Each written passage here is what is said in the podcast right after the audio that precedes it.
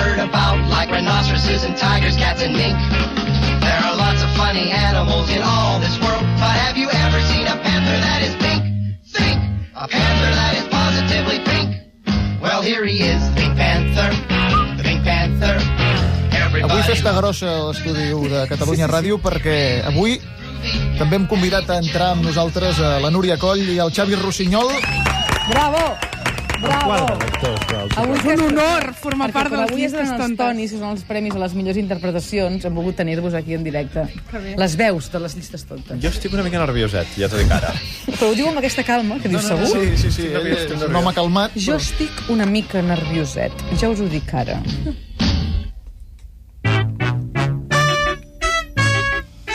Moltes vegades perquè no m'atreveixo a dir que no, per voler semblar un mil homes o per intentar quedar bé amb tothom, cometo errors clamorosos que em porten a trobar-me malament, a ser víctima d'un atac d'ansietat o a quedar com un babau. No sé, des de l'error clamorós pots viatjar a milers de destinacions horribles.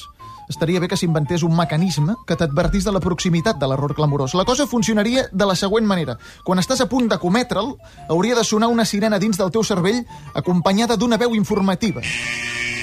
Error clamorós. Error clamorós. Si això passés, segurament la cagaries igual, però com a mínim ja no podries dir que ningú t'havia avisat. Però ara que hi penso, això més o menys ja passa, perquè quan estàs a punt de cometre un error clamorós, tu ho saps perfectament. Però tot i així, ets tan ximplet que el comets igualment. Avui a les llistes tontes, un tema que podria tenir més entregues que l'Oca Acadèmia de Policia. Errors clamorosos. Ja veureu com us resultaran familiars. El primer és un que encara no saps com l'has pogut cometre tantes vegades. És dissabte, ets al sofà llegint la premsa i la teva muller, amiga o companya se t'acosta i et diu Ai, aquesta tarda podríem anar a mirar roba pel centre. Dissabte a la tarda, centre, botigues de roba. Tres conceptes que fusionats poden causar danys irreparables a l'organisme. Tres conceptes que mai ningú hauria d'haver gosat unir. Però algun graciós ho va fer i ara tots ens toca pringar de tant en tant. Tornem a la pregunta que m'ha formulat la meva estimada doneta. Aquesta tarda podríem anar a mirar roba pel centre. El subconscient ja t'adverteix que no és una bona idea. No, no acceptis aquest viatge a l'infern. Estarà tot ple a rebentar. No podràs ni bellugar-te, la gent t'empantarà, suaràs, notaràs olors corporals vomitives, alers fètids, sentiràs trepitjades doloroses, et marejaràs, veuràs pampallugues i no et deixaran escapar del malson fins a les nou tocades. I tu, tot i sentir aquesta veu interna que t'impulsa a dir no, encara no saps per què alces el cap de la premsa, mires fixament a la teva muller, amiga o companya, fas una calada llarga al cigarret i li dius sense moure ni un sol múscul de la cara D'acord, em sembla una idea boníssima. Error clamorós. Error clamorós. A les 6 p.m. penetres en aquell món estrafolari que tanta addicció genera gran part de la societat, però que tu abomines. mundo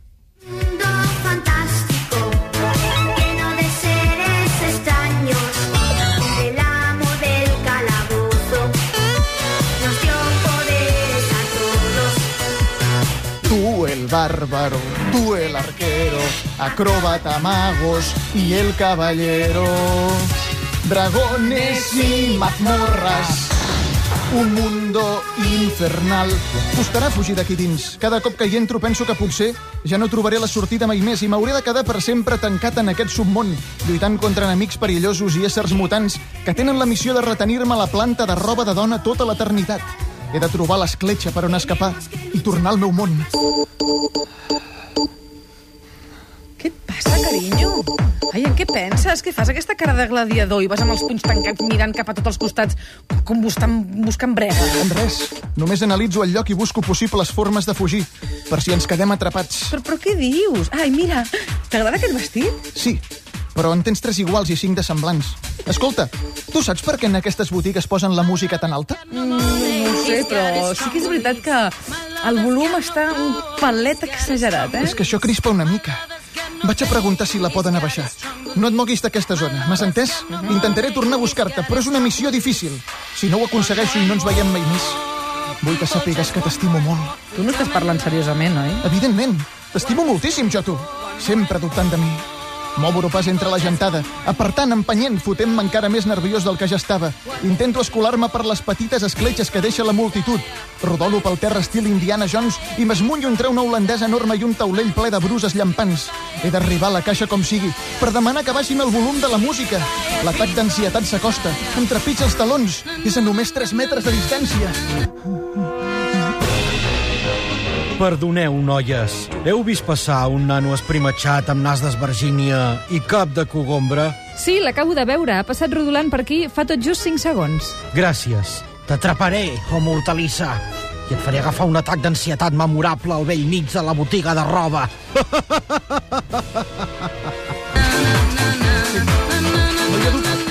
Aquestes botigues de roba són com discoteques de tarda, sense mami d'entrada gratuïta on en comptes de ballar la cosa consisteix a braonar-te sobre les peces de roba.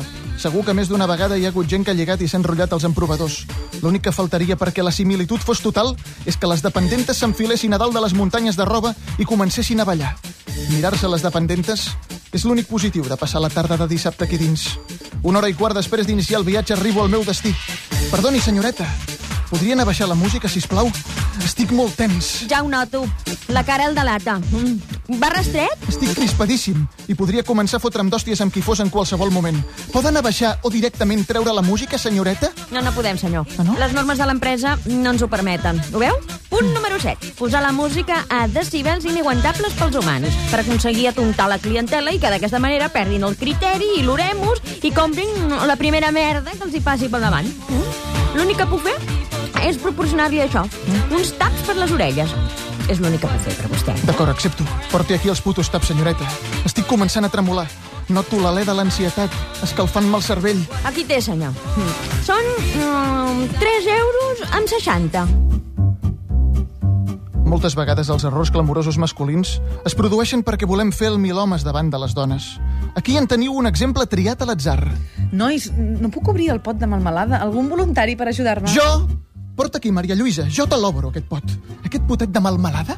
Ja veuràs que ràpid l'obro. Sóc un especialista en obertura de pots difícils. Error clamorós. Error clamorós. Què? Com ho portes? Aconseguiràs obrir-lo abans que es faci fosc? Estic a punt, Maria Lluïsa. No em pressionis ni em parlis tan a prop de l'orella.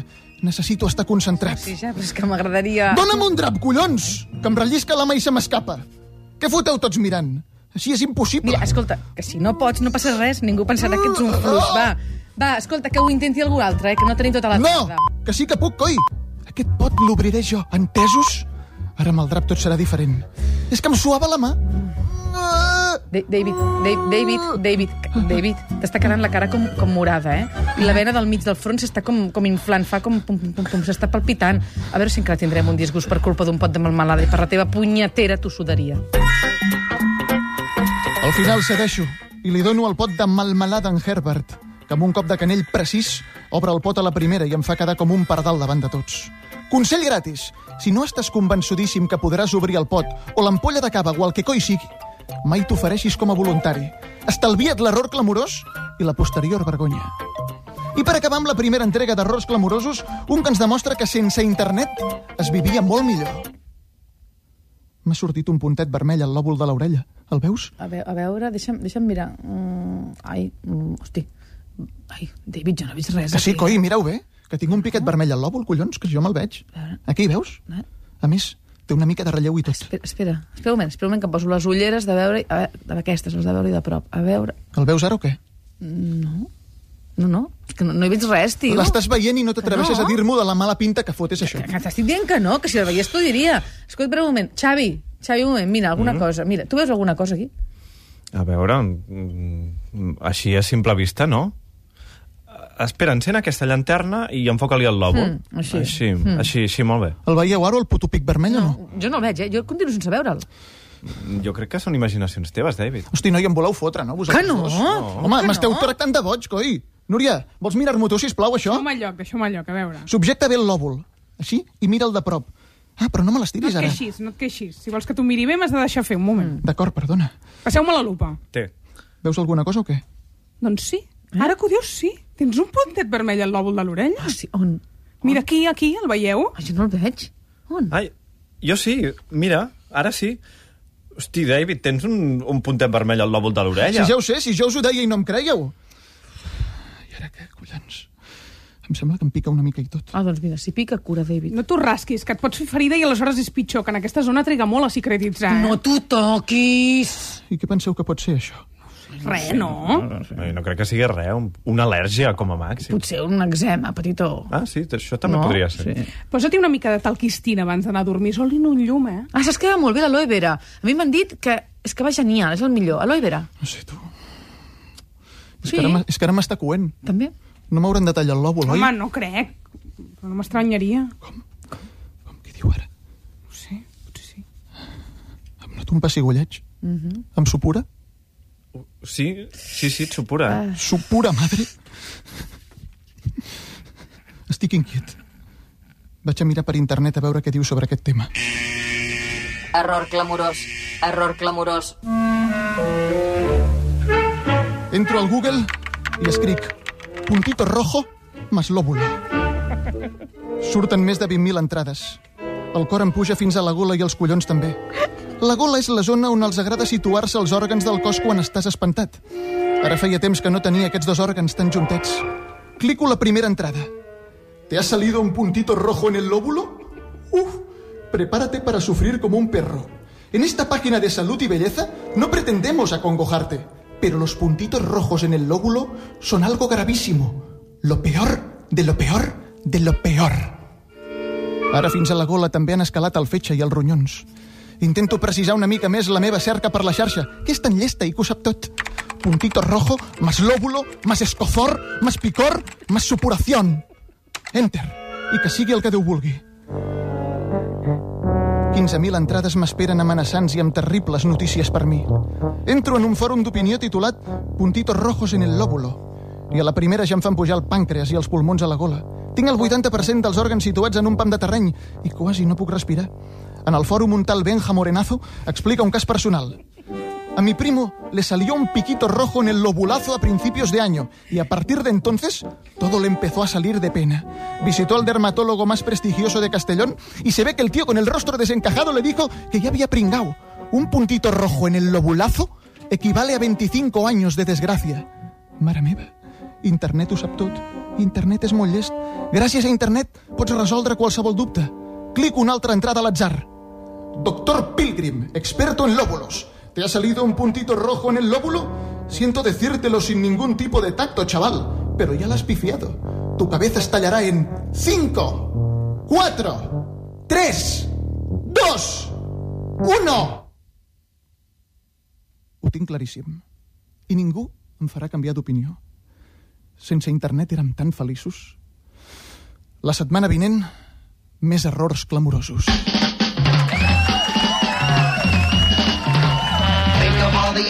Aquesta ever última afirmació pot portar molt de controvèrsia. Sense internet érem molt més feliços? Hmm. Explica-li a la gent de documentació, si eren més feliços sense internet. I vaig... No? Sí, però mm, això és un consell per tota la gent que ens estigui escoltant. No- no busquem no busqueu coses- coses... rares per internet. No, perquè és que... No, és que... És que no serveix de res, perquè no entenem res. No, No, clar. entenem res. Igual que quan et donen analítiques, no les obris. Ja les llegirà el metge, que no entenem res.